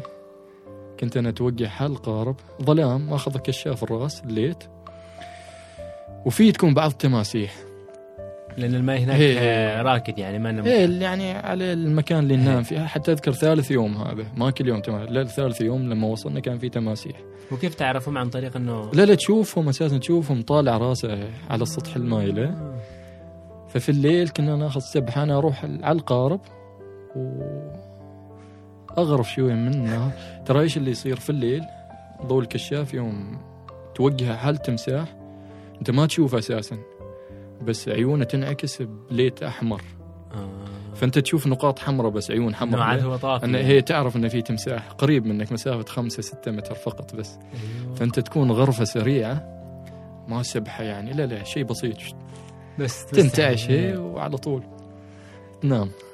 آه، كانت تجربة حلوة. حتى وعدتهم إني راح أرجع مرة ثانية. حتى قال لي إذا بتجلس فترة أكثر ترى يمكن يعني راح نوصل حل سكان أصليين. والوضع البيئي طيب في في هناك في الأماكن ف- وقتها التنوع البيئي الأشجار العصافير الطيور. والله الأمازون يعني منظومة بيئية متكاملة يعني موطن لآلاف من الحيوانات. فتخيل اليوم المحميات اللي نسمع عنها ترى في النهاية لها حواجز وقريبة من المدن. فاهم له؟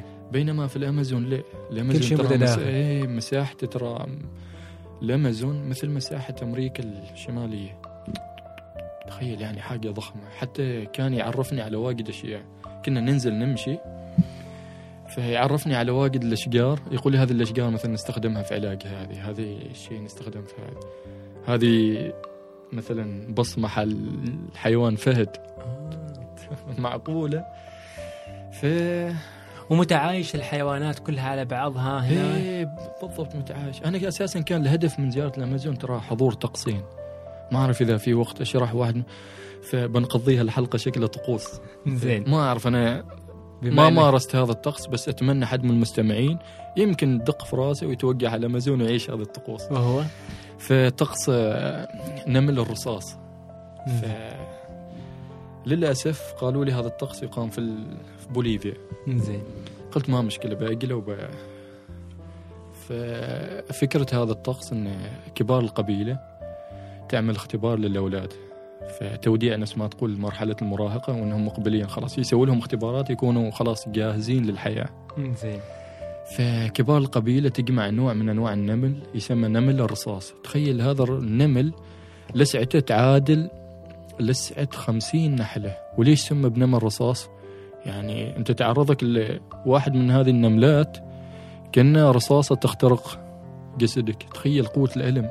زين فيجمعوا أنواع آه، معينة من النمل هذه ويخلطوها بماي مخلوط بعشب علشان تتخدر. ويصنعوا قفاز ورقي من أوراق الشجر. ويجيبوا الولد فيغرزوا هذا النمل في القفاز مثل المسمار. راس. النمل من برا والجسد من داخل بحيث إن الشخص لما يوضع يده داخل القفاز يتعرض تخيل لكميات اللسع صدمة دقيق كذا. إيه فلازم يكون لمدة كم دقيقة ما يصرخ. إذا صرخ خلاص أنت فشلت والموعد السنة الجاية. فسبحان الله طقوس غريبة. اختبار اختبار الأمن والسلامة هذا شكله. إيه. لازم تنجح فيه في كل سنة يعني تسوي لك إياه. لا لا طقوس غريبة يعني. أقول لك هذا اختلاف. صحيح لكن تستمتع إنك تشوف شيء مختلف يعني يعني انه بالضبط بالضبط. نفس الشيء الحاجات اللي صايرة اليوم في الأمازون سمعت عنها أتوقع. ال- الحرايق الأخيرة. إيه الحرائق. ف يعني للأسف اليوم نفس الشيء. ترى شركات كبيرة جالسة تقطع في أشجار الأمازون. في النهاية تحولها حال كراسي وطاولات. طاولة يعني ترى في الن- يعيشوا إيه، الإنسان. يعني لو استمر هذه تخيل السنوات ال- بس أتوقع إنهم هم مستغلين يعني ربما البرازيل بشكل أكبر يعني. إيه بالضبط البرازيل. لأن كانت تعاني من حرائق وهذا كله بسبه الاحتباس الحراري. والاحتباس الحراري يعني شيء ما من أشياء إحنا جالسين نسويها في حياتنا اليومية كإنسان. صحيح. فلو جينا نتفكر في الشمس هذا النجم الملتهب من ملايين السنين هو نفسه ترى اللي مر عليه. الناس الأوليين وأجدادنا وأبهاتنا. فهل معناته هذا اليوم الشيء اللي حاصل اليوم بسبة الشمس؟ okay مم. قد تكون الشمس عامل. بس لا. إحنا السبب؟ هي يعني من يوم اكتشف الإنسان الغاز والنفط والحاجات صرنا هذا اخترعنا الطائرات صرنا وسيارات. و... ووسعنا المدن. وردمنا البحر. وصار كثير إيه آه، صار استهلاك. كثير يعني ننتج كميات كثيرة من ثاني أكسيد الكربون. فإيش اللي يصير؟ هذه الغازات وغاز الميثان تصعد وتصير مثل البطانية على كوكب الأرض. في النهاية الحرارة لما تجي أشعة الشمس فالحرارة تبقى داخل ما, ما تطلع, تطلع ويزيد الاحتباس الحراري. صحيح صحيح. فيعني هي نفس ما تقول حتى العلماء اجتمعوا علماء المناخ قال لك إذا استمر الحال كذا. هي لمدة 50 سنة أتوقع يعني أكثر منطقة راح تشهد حرارة منطقة الشرق الأوسط. يعني تخيل الشخص الرياضي ما راح يقدر يمارس الرياضة وحتى موسم الحج راح يصير شبه مستحيل. هي دراسات. وناهيك عن البلاستيك. هذا وحدة عالم. إيه يعني حتى تخيل بذكر لك قصة على السريع في الصين قرية بسيطة آه، في محافظة لينين ولا ما ما أعرف ما متذكر الاسم. فتعاني من سكانها يعاني من اضطرابات نفسية بسبه حالات الاختناق بعد المساء. فتخيل إنهم ما يشوفوا الشروق والغروب بسبه التلوث اللي صاير. تعرف إيش سوت الحكومة؟ جابت شاشات ضخمة تعرض الشروق والغروب أونلاين. يعني لأي حالة وصلنا. وصلنا إحنا نستخدم التقنية والشاشات عشان تشوف شيء طبيعي أنت المفترض إيه إنك تشوفه. يوميا حتى البلاستيك اللي نستخدمه في يومنا. هذا وحده عالم البلاستيك إيه، هذا مسوي عالم يعني. إزمة. فالبلاستيك يعني ما يكفي. حلو اليوم اللي جالسين نشوفه في منصات التواصل الاجتماعي. يعني منهم انت مثلا سالم. انكم تشجع على هالأشياء. انك تروح الجمعية خلاص تتجنب انك تش... بلاستيك. إيه، تشتري وتسوق أكياس بلاستيك. صحيح. حلو هذا النوع من التوعية. بس تجيك أشخاص يقول لك لا أنقذوا كوكب الأرض في النهاية لو نروح مركز تجاري وبيشيل كل البلاستيك اللي متبضع طالع من هناك ب 20 كيس. ويزيد لحظة. شوية تو يا أخي جالسين نتكلم عن انقذوا الأرض وقللوا من البلاستيك. ف... كلها هذه أنا مؤمن, مؤمن. وكلها هذه تأثر يعني على موطن مثل آه، يعني الأماكن ال- ال- المطيرة مثل غابات إيه الامازون الامازون لأنه يعتبر مثل دواء على كوكب الأرض. رئة الأرض. علاج رئة الأرض. الأرض. فينتج 20% من الأكسجين. صحيح. الأرض تخيل. صحيح. فأنا مؤمن إن التغيير إيه، من الشخص نفسه من الفرد. يبدأ من البيت. فيطبق هذه الأشياء على أطفاله. من ثم للجار من الجار إلى القرية. من القرية للمدينه فهمت؟ تكبر. تنشأ ثقافه. هي. ويا ليتنا يطبقوها حتى في المدارس لأن ما في ما في system واضح. إعادة تدوير. مثلا إحنا ترى في النهاية نستثمر في هذه الأطفال. فيتعرف الطفل ان هذا خلاص حل بلاستيك هذا حل ورق هذا حل زين. فاهم المواد فينشأ ويكبر على هذا الفكر. صحيح. فيا ليت في يكون اهتمام أكبر حاجة تطبق. طيب كيف كان ختام ال- الامازون؟ والله ختام الامازون هذه من الأشياء اللي ما وضحتها.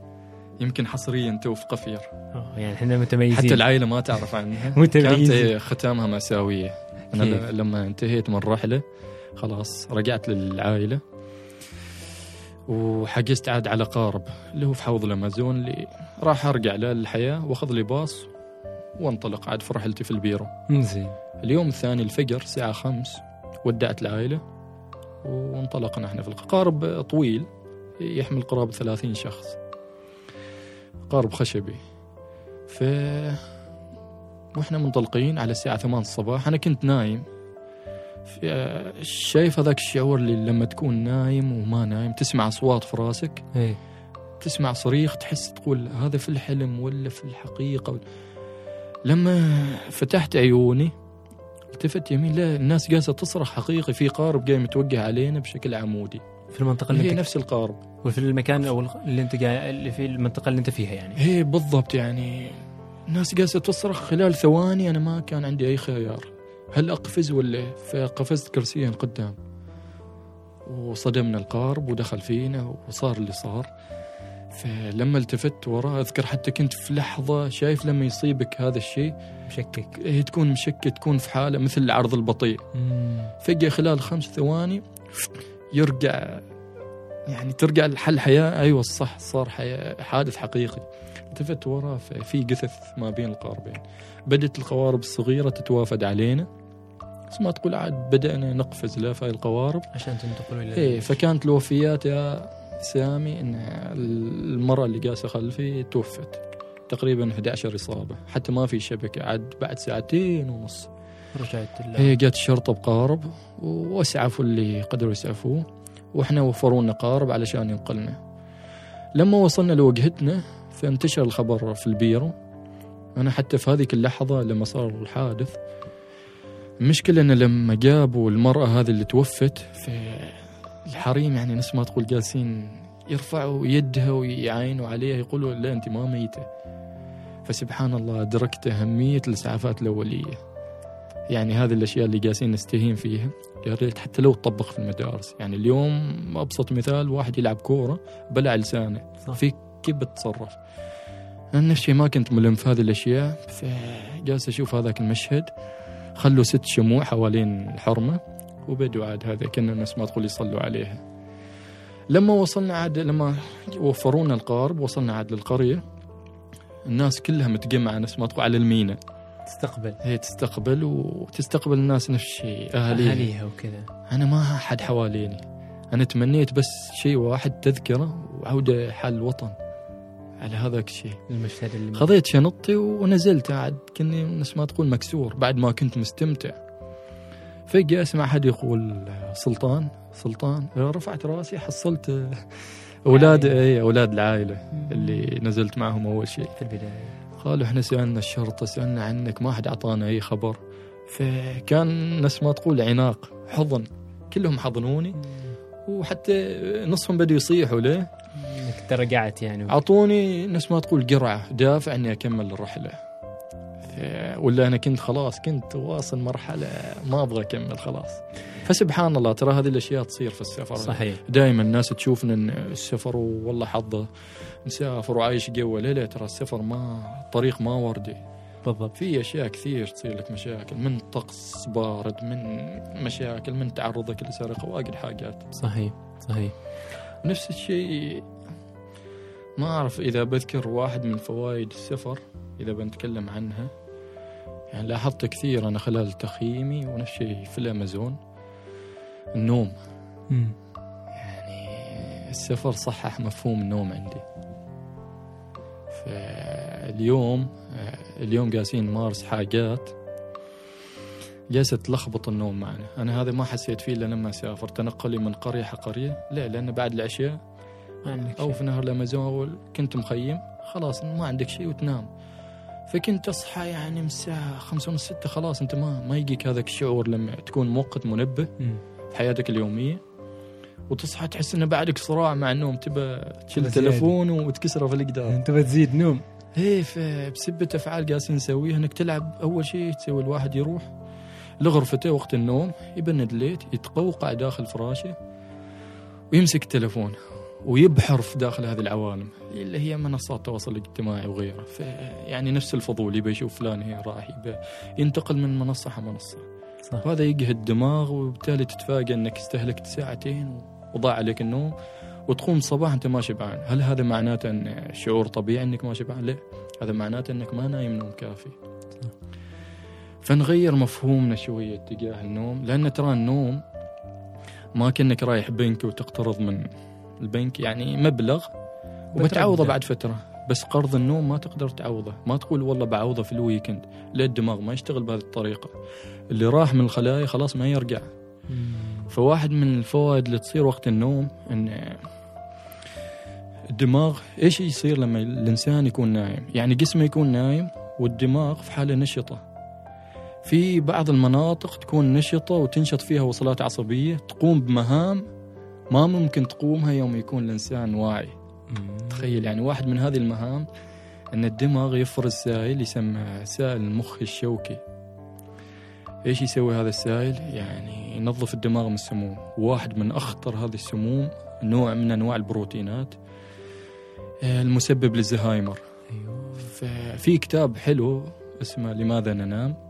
حتى ممكن نحطه في رابط إن شاء الله بنحطه في الرابط. ف يعني قبل خلينا نذكر ناهيك عن الأشياء اللي تصير بسبة النوم قلة النوم من تركيز في حياتك اليومية قلة تركيز. يعني خلينا ناخذ مثالين على السريع. آه، في 1968 يوم انطلق المكوك الفضائي تشالنجر كان يحمل خمس رواد فضاء. بعد دقيقتين من يوم أطلقوه انفجر في الجو. لما جت لجنة التحقيق إيش اللي ورد في التقرير لجنة التحقيق؟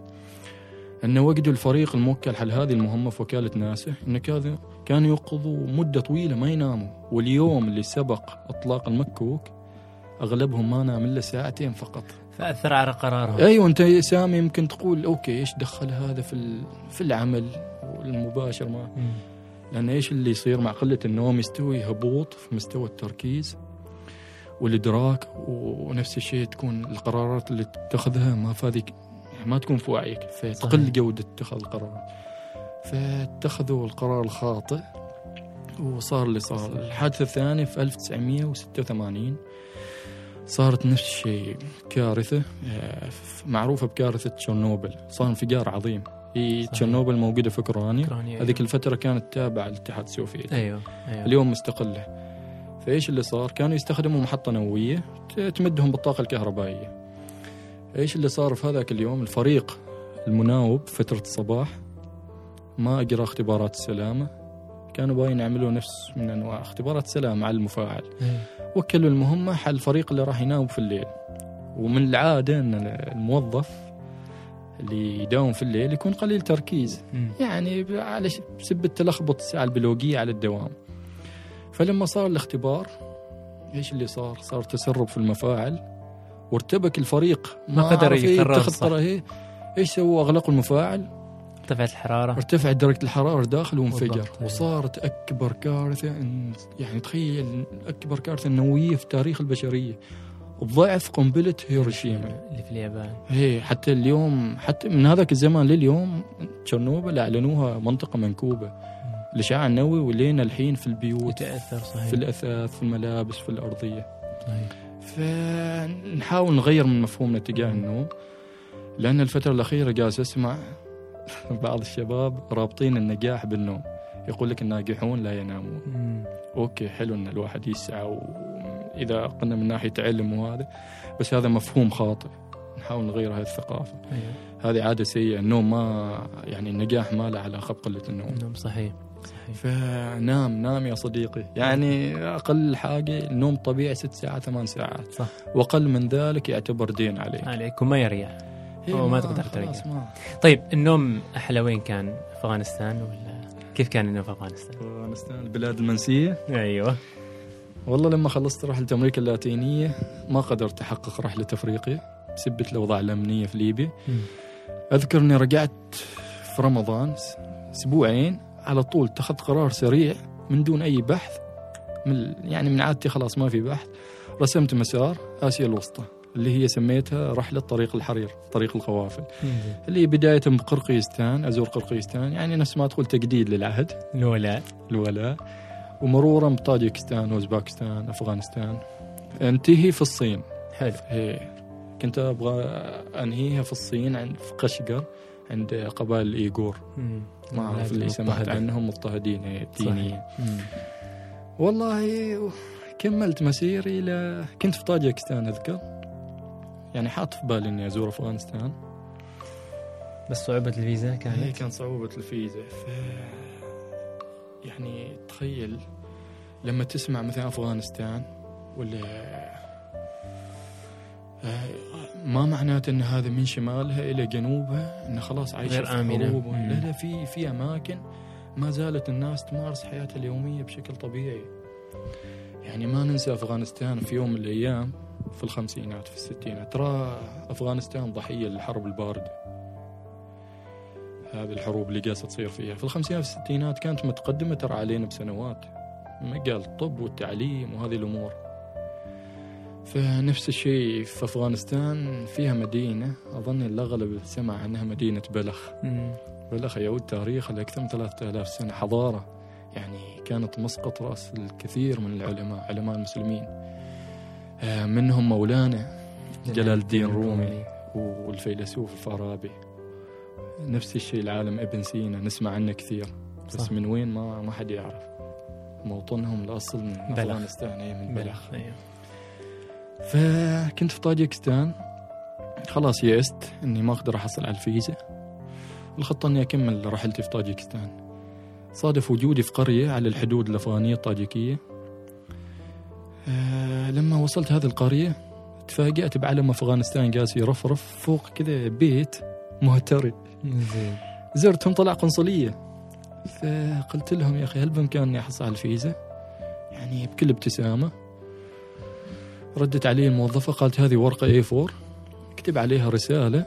ان إحنا غير مسؤولين إذا صار عنك شيء ولا شيء. أيوه. وصورتين لو تكرمت إذا موجودات. قلت لهم بس قالوا لي بس. ومبلغ ف ربع ساعة راحت دخلت داخل رجعت والتأشيرة مطبوعة في الجواب. اسرع تاشيره يمكن هذه. فتخيل أنا ما حاط في بالي ما في خطة إيش اللي سويته؟ نعميت. تزودت بالزاد. الأشياء اللي أحتاجها وعلى طول اليوم الثاني أنا داخل أفغانستان. ولا خبرت حالك المشكلة ما قدرت لأنه ما في شبكة. زين. فمن العادة أنا أخبرهم. ف... بس ما قدرت أخبرهم. فقلت ما مشكلة بخوض يمكن أسبوعين بشوف كيف. وفي النهاية تجربة. إن شاء الله ما راح يصير شيء. زين. والله و... وقطعت الحدود. الحدود كان نهر ما بينهم. نهر عظيم. في النهاية قسر معلق. حتى أذكر السيارة اللي نزلتني. نزلتني وراحت عني في حدود. مهجورة بالضبط. زين. إذا جاء الموظف تاجي قال لي إيش تروح تسوي؟ ما قلت له ما مشكلة أنت بس عطنا التوقيع. دخلت أفغانستان. استقبلوني أول شيء الحدود استقبال حار من هذا الشخص. وهو عربي بعد. زين. يحبوا العرب يا فكان استقبال جميل أعطاني على طول انطباع آه، جيد. فقالوا لي وين متوجه؟ مساكين واحد منهم اتصل في قريبة في القرية وجاب سيارة وشلني. زين فقضيت كذا كم يوم معهم أتنقل ما بين قرية. أنا كان هدف نفس الشيء من زمان رغبة من زمان أزور قبائل وخان. قبائل وخان زو هذه موجودة في في شرق أفغانستان وشمالها شوية في جبال هندوكاش. جبال هندوكاش هي سلسلة مثل مثل الهيمالايا سلسلة الهيمالايا سلسلة جبال الانديز جبال اطلس نفس الشيء جبال هندوكاش وتعتبر من أجمل بلاد العالم. ف لما عزمت خلاص قلت حان الوقت إني أتوقع على القبائل وخان المشكلة إن تو كيف توصل لهم؟ يعني قبائل معزولة جدا.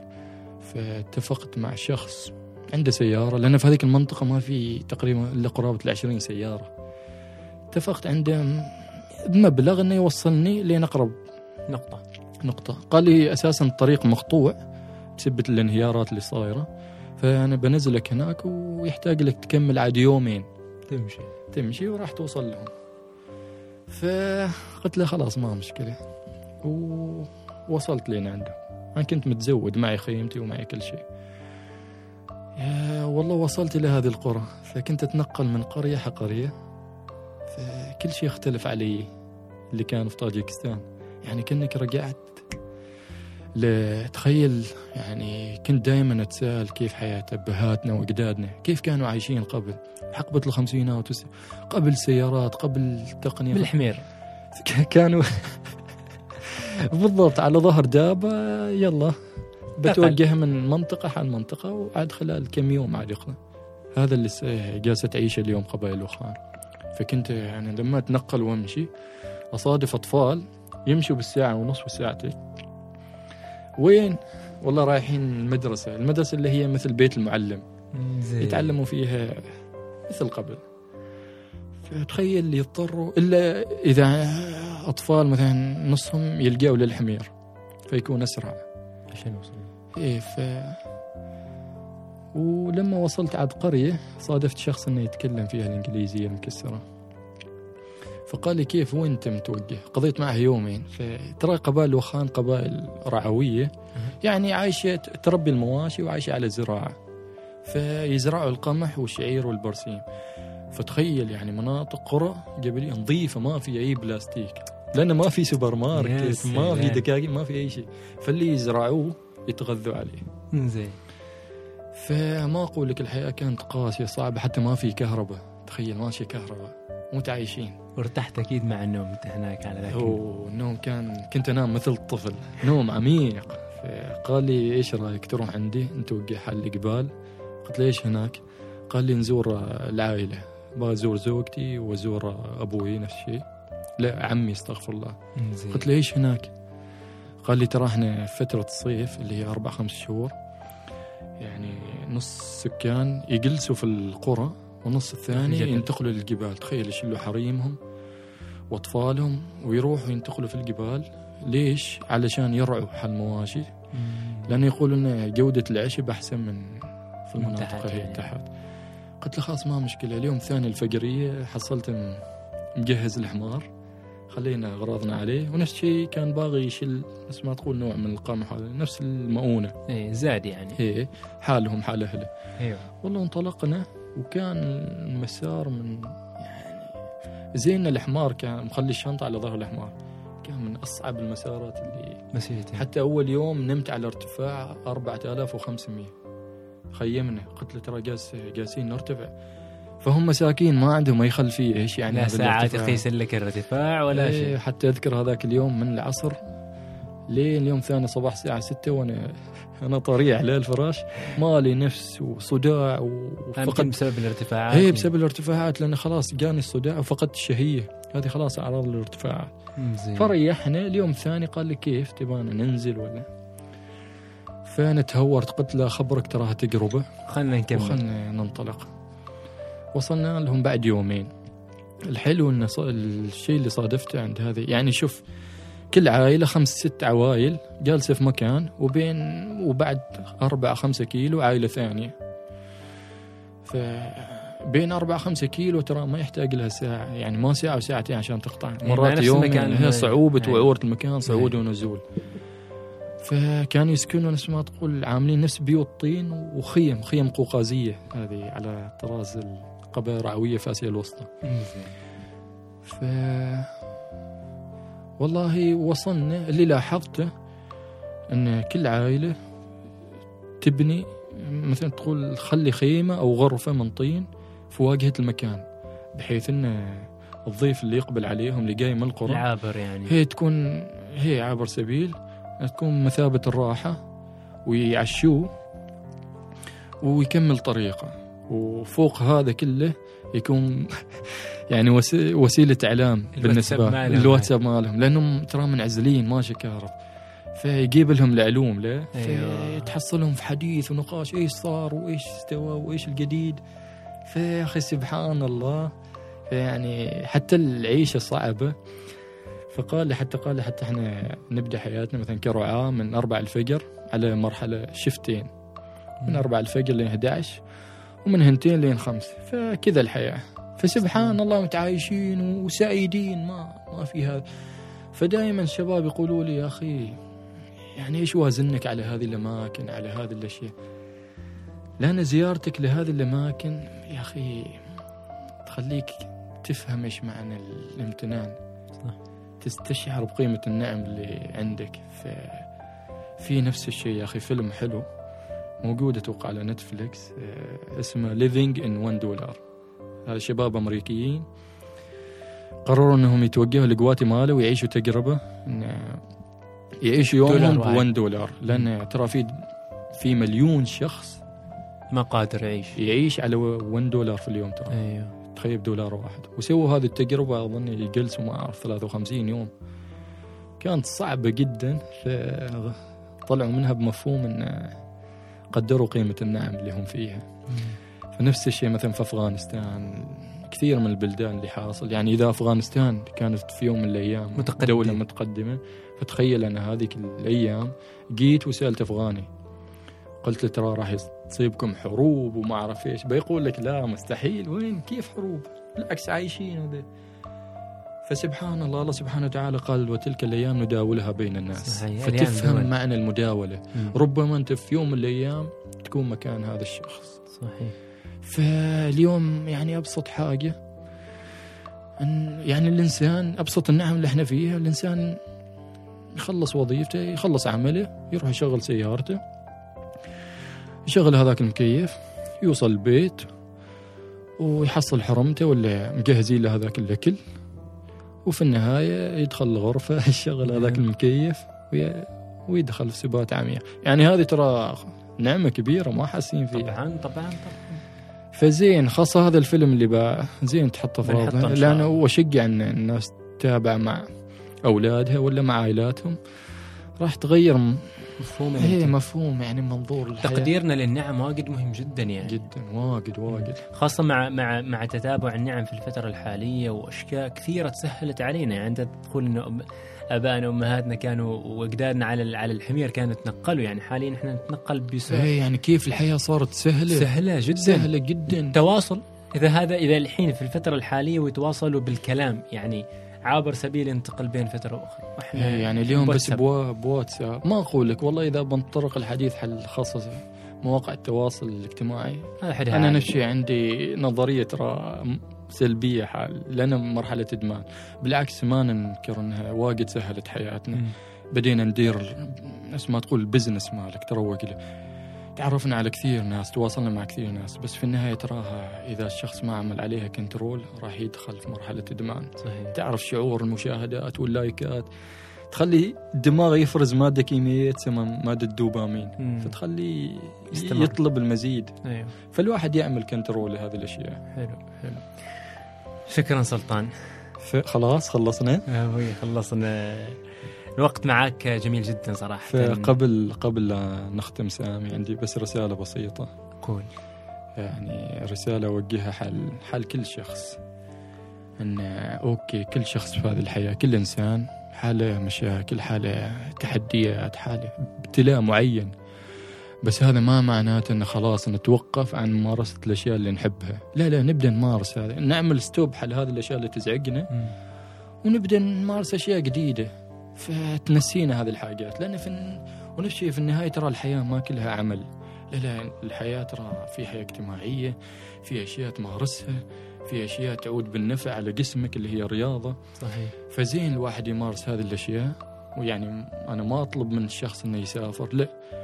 عادي حتى يزور قرية أو ساحل أو في جبل.